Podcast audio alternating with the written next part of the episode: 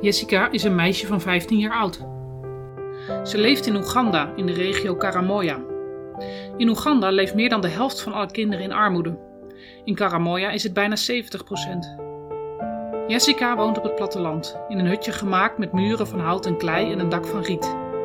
Ze moest met de basisschool stoppen omdat ze zwanger raakte. De vader van haar kind heeft het dorp verlaten en Jessica achtergelaten met de verantwoordelijkheid van het opvoeden van een kind. Jessica werd een alleenstaande moeder. Ze moet niet alleen zorgen voor haar zoon Samuel, die nu twee jaar oud is, maar ook voor haar ouder wordende ouders. Jessica vreest voor de toekomst van haar kind als haar omstandigheden niet verbeteren. Terwijl andere 15-jarigen zichzelf elke dag klaarmaken voor school, begint Jessica's dag met huishoudelijk werk, zoals het vegen van het erf. Daarna gaat ze water halen bij een waterpomp die 30 minuten heen en 30 minuten teruglopen is. Jessica verzorgt dan haar peuter voordat ze hem bij haar slechtziende moeder achterlaat. Ze wil het beste voor haar kind. Met het beetje geld wat ze verdient, koopt Jessica eten en soms melk om het dieet van haar peuter aan te vullen. De peuter krijgt vooral pap in aanvulling op borstvoeding. Jessica sprokkelt brandhout voor de verkoop. Ze moet 2 kilometer lopen om het te verkopen voor 50 eurocent. Als ze 2 kilometer verder loopt, kan ze het verkopen voor 1 euro. Jessica verdient zo'n 2 euro per week.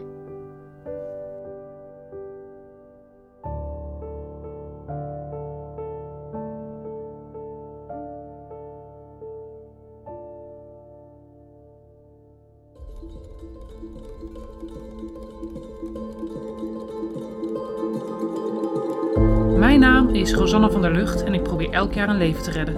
En tot nu toe lukt me dat. In de podcastserie Levensredden ontdek je hoe. Ik geef hierin mijn interpretatie van het boek The Life You Can Save, geschreven door moraalfilosoof Pieter Singer. In elke aflevering bespreek ik een thema en ik doe dat samen met Bram Schaper. En dat ben ik. Ik ben directeur van Stichting Doneer Effectief en ook ik probeer levens te redden en te verbeteren. Iets wat me ten diepste motiveert en waar ik in 2022 zelfs mijn werk van heb kunnen maken. Ik heb, net als Rosanne, dit indringende boek ook gelezen en ik denk dat het goed is als hier meer aandacht voor komt. We hopen dat het onderwerp jou net zo aanspreekt als dat het ons doet. Veel luisterplezier!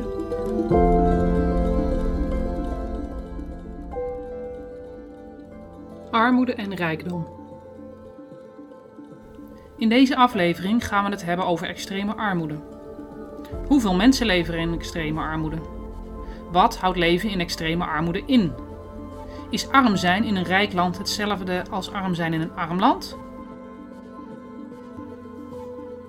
We hebben het in een eerdere uitzending ook al gehad over extreme armoede. En in deze uitzending gaan we er wat dieper op in. Oké. Misschien goed om eerst stil te staan bij hoe groot het probleem is. Ja, ja, ja. Hoe groot is het probleem? Uh, nou, al eerder gezegd, hè, de 719 miljoen mensen leven op dit moment in extreme armoede. En in 2017 was de te voorkomen sterfte onder kinderen, um, jonger dan 5 jaar, zo'n 5,4 miljoen per jaar. Dat is echt een ontzettend groot getal. Dat er dus zoveel kinderen komen te overlijden als gevolg van extreme armoede. En misschien om het iets, iets behapbaarder te maken, of dat je er een beetje een voorstelling van kan maken. Uh, dat betekent dat er 26 vliegtuigen uh, vol met kinderen per dag neerstorten. En dat doe ik even bewust zo scherp, als equivalent van hoe groot dit probleem is. 26 vliegtuigen. En het is iets, iets behapbaarder, maar het zijn nog steeds. Uh, ja, dan kun, daar je er iets, iets betere voorstelling van maken over hoe, hoe groot dit, dit probleem is. Uh, Rosanne, misschien kun jij iets aan vertellen over wat het nou precies inhoudt. Leven in extreme armoede betekent dat je moet rondkomen voor minder dan zo'n 2 euro per dag. Mm -hmm. En wat we eerder ook al noemden, dat is gecorrigeerd voor welvaartsniveau. Ja. Dus dat is alsof je moet rondkomen in Nederland. Voor minder dan 2 euro per dag. Ja, exact. En dat betekent dat je geen geld hebt voor eten, dat je geen toegang hebt tot veilig drinkwater, geen goede gezondheidsvoorzieningen mm -hmm. hebt, Mm -hmm. geen goed dak boven je hoofd. En bovenal geeft het ook een gevoel van machteloosheid.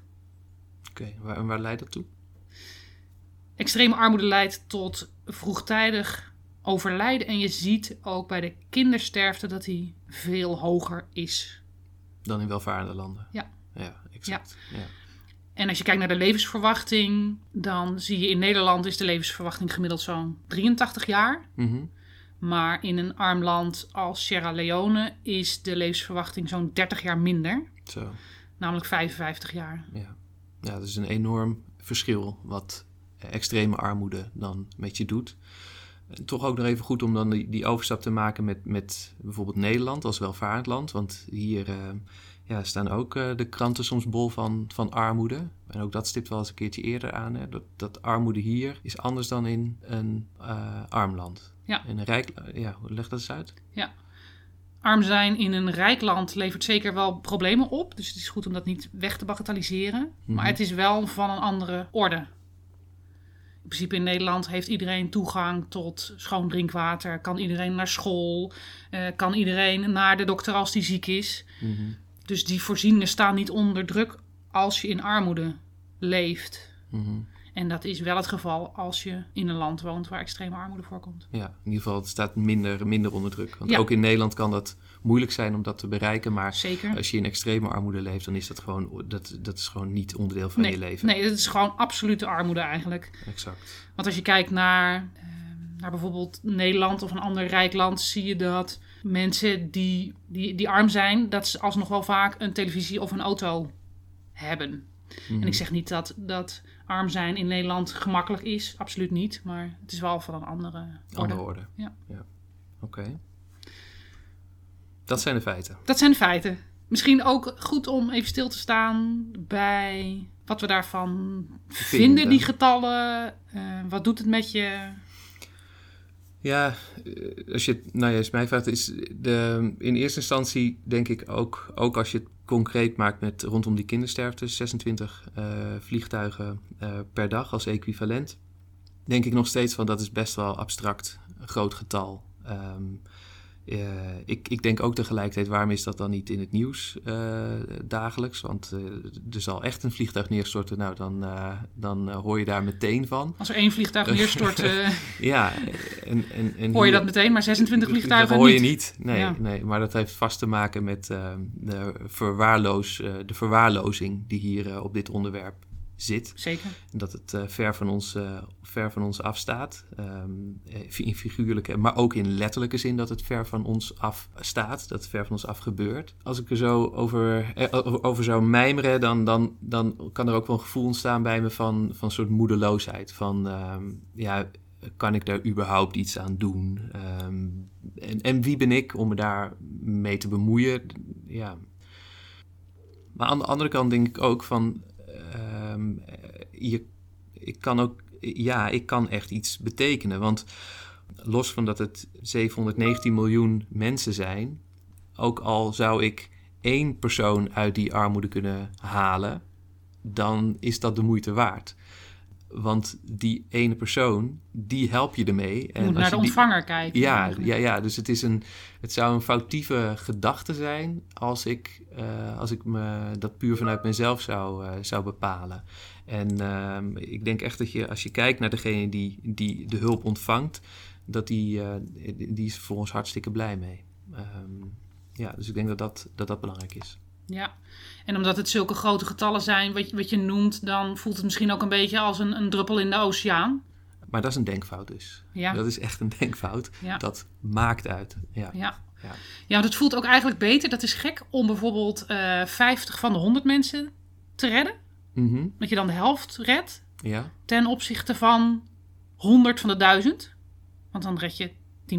Het voelt eigenlijk beter onder oh, oké, oké. oké. Ja, ja, dus 50, 50 van de 100. 100 Ja, redden, dat zou ik liever, ja, dat zou ik dat- liever dat- doen dan 100 van de maar dat 1000. voelt beter. Terwijl als je kijkt naar absolute aantallen, Zou je altijd het laatste moeten ja, doen.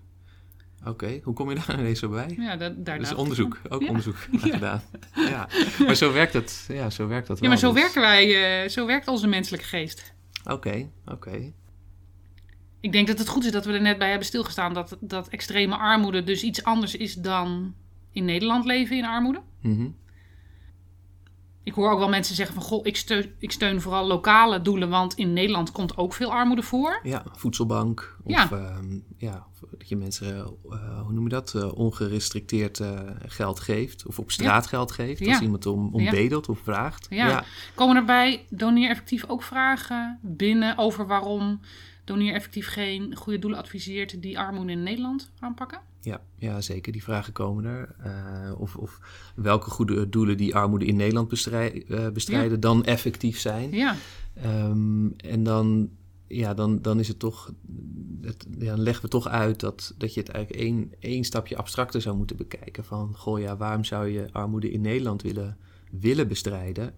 Ehm, eh, want maakt het dan echt voor je uit of iemand die in, eh, in Bussum geboren is, of in Leeuwarden of in Rotterdam geboren is, dat dat dan meer waarde voor je heeft dan iemand die over de grens geboren is?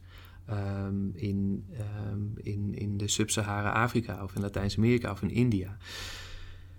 En dat, ehm, ja, eigenlijk als je echt vindt, hè, dat eh, als je impartieel bent, als je vindt dat iedereen gelijk is, dan zou je ja, toch vooral je aandacht, ehm, als je zoveel mogelijk goed wil doen, vooral moeten schenken aan, aan eh, mensen die in extreme armoede leven. En dan kiezen voor de interventies die ook bewezen daar iets aan doen.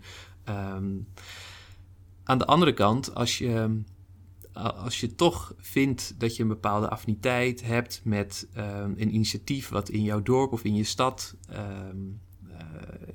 ja, eh, voor, voor geld wordt, voor wordt opgehaald om iets te doen aan de armoede daar. Ja, dan, dan ben ik, dan ga ik niet zeggen dat je dat niet zou moeten doen. Als je, maar dan doe je dat vanuit een bepaalde ja, persoonlijke overtuiging of een persoonlijke sympathie voor wat daar gebeurt. Ja, daar, is op, daar is op zichzelf niks mis mee. Maar als je wilt, als je, als je doel is om impact te maken en het maakt niet uit Um, um, uh, dat je vindt dat, het, dat iemand die in Nederland of in een rijk land geboren is, meer waarde heeft dan iemand die op een andere plek op de wereld geboren is, ja, dan, dan zou je dat echt uh, je geld op een effectieve manier over de grens moeten uitgeven. Als je het geld uitgeeft in Nederland, dan, um, dan kan je voor datzelfde geld over de grens echt heel, heel, heel veel meer doen aan, uh, aan dit probleem dan in Nederland. ja. Ja. Als, je, als je doel is om het meeste impact te maken, dan moet je het niet in Nederland uitgeven. Nee. Ja. Volgens mij heb ik ergens gelezen dat jij zelf opgegroeid bent in nou ja, relatieve armoede dan. Kun je daar wat over vertellen? Mm, ja, ja, nou, dat, dat, wil ik toch nuanceren. Het is goed dat je relatieve armoede zegt, maar ook in mijn jeugd, uh, ik heb niet een, een, een, een, uh, een jeugd in, ar, in Nederlandse armoede uh, gehad. ik herinner me wel dat er een, een, periode is geweest van een aantal jaar waarin we het in ons gezin heel krap hadden. mijn ouders, um, mijn moeder was, was juf, mijn vader fotograaf en um, had zijn eigen, probeerde zijn eigen zaakje op te bouwen. Um, ik kan me nog herinneren dat ik, ik een jaar of vijf was en ik een verjaardag had en ik wilde graag ijslollies. En mijn moeder had daar gewoon simpelweg op dat moment het geld niet voor. Um, en heeft toen aan mijn buurvrouw gevraagd van, goh, heb je misschien een, wat guldens te leen, zodat ik uh, een ijsje kan kopen voor mijn, voor mijn zoon. Waarop de buurvrouw haar uh, volgens mij 50 gulden gaf en uh, ik allerlei ijslollies kon, kon eten. um, maar het, het, is dus wel iets wat, ja, wat, wat, wat aan mijn hart gaat als het gaat over armoede, ook in Nederland. Ik, ik steun zelf bijvoorbeeld Stichting Jarige Job, wat juist wat armere gezinnen in Nederland helpt Um, als je, voor, voor, ja, voor gezinnen die geen verjaardagscadeautje kunnen kopen voor een jarig kind, dat zij dan zorgen dat er een cadeau is of een cadeaupakket is. Um, en ik geef aan dat doel, ja, niet omdat het een bewezen effectief goed doel is waarvoor je, waar je het meeste kan realiseren voor je gedoneerde euro, maar omdat ik daar een bepaalde affiniteit en een bepaalde sympathie voor heb. En ik denk dat die ruimte er ook moet zijn om om te geven en aan doelen waar je je persoonlijk mee verbonden voelt en doelen uh, waar je echt aan geeft voor, het, voor een betere wereld. Ja. Dus dat je dat los moet zien eigenlijk. Ja, ja, ja, ik denk dat je dat prima naast elkaar zou kunnen, uh, kunnen zien. Ja. Mooi. Ja. Misschien is het goed om de stap te maken van armoede naar rijkdom. Ja. En er wordt regelmatig met de vinger gewezen naar de absurde uitgaven van de superrijken. Mhm. Ehm, maar Singer stelt in zijn boek eigenlijk besef eigenlijk dat je zelf ook al heel rijk bent als je een flesje water kunt kopen, als je een eh, dure latte macchiato koopt terwijl je thuis voor bijna niks eh, koffie, Koffie kan zetten. koffie kunt zetten. Ja.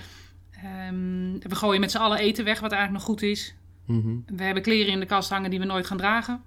Ja. En we hebben spullen die we niet nodig hebben en soms ook nooit zullen gebruiken. Ja, maar dat klinkt wel erg van...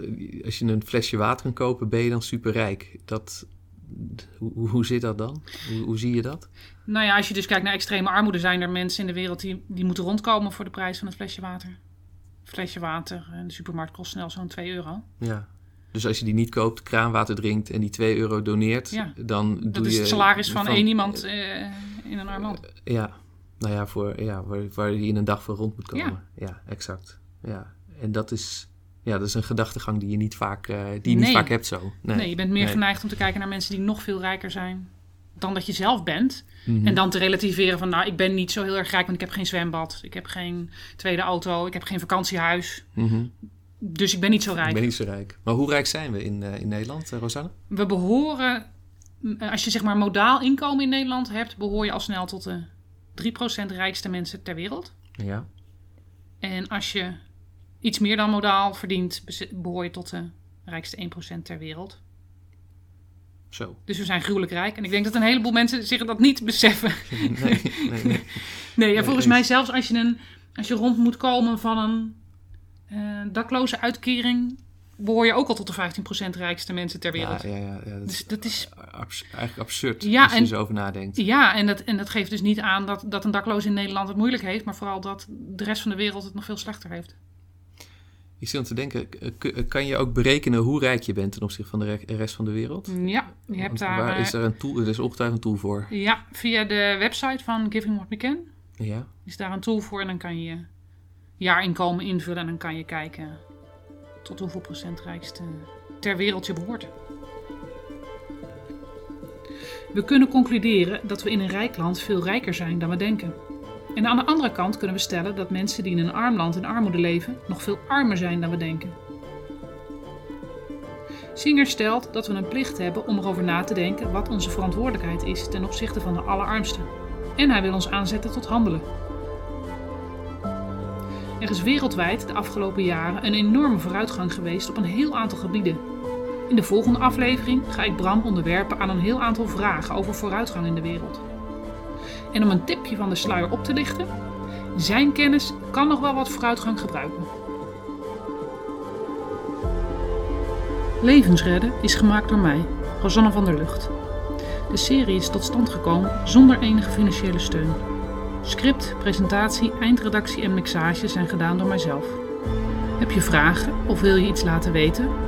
Mail dan naar podcastvanrosanne.gmail.com Vond je het goed? Abonneer je en zeg het voort. Vertel het je vrienden.